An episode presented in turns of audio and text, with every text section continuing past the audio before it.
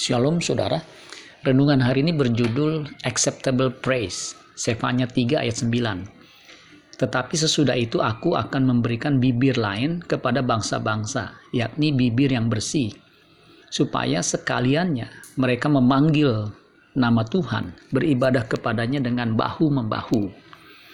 New King James Version menerjemahkan ayat ini dengan lebih lugas. Dikatakan begini, For then I will restore to the peoples of to the peoples of pure language that they all may call on the name of the Lord to serve him in one accord.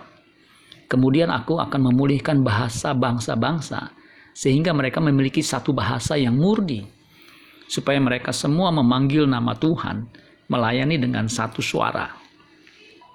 Tuhan berjanji untuk memulihkan bangsa-bangsa lain sehingga mereka memiliki bibir yang bersih Tentunya bibir atau ucapan yang bersih keluar dari hati yang bersih.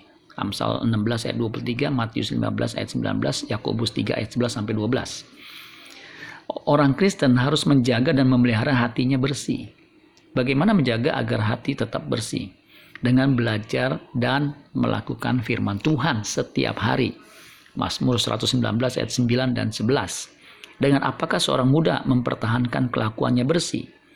Dengan menjaganya sesuai dengan firman-Mu. Dalam hatiku aku menyimpan janjimu supaya aku jangan berdosa terhadap engkau. Yohanes 11 Yohanes 17 ayat 17 dikatakan kuduskanlah mereka dalam kebenaran. Firman-Mu adalah kebenaran. Jika orang percaya yang hatinya bersih berkumpul, mereka akan bersama-sama bahu-membahu melayani Tuhan. Ini yang disebut sebagai persembahan yang berkenan kepada Tuhan atau acceptable praise. New English Translation untuk Zefanya 3 ayat 9 bunyinya seperti ini. Know for sure that I will then enable the nations to give me acceptable praise. All of them will invoke the Lord's name when they pray and will worship him in unison. Ketahuilah dengan pasti bahwa aku kemudian akan memungkinkan bangsa-bangsa memberi aku pujian yang dapat diterima. Mereka semua akan memanggil nama Tuhan ketika mereka berdoa dan akan menyembahnya bersamaan.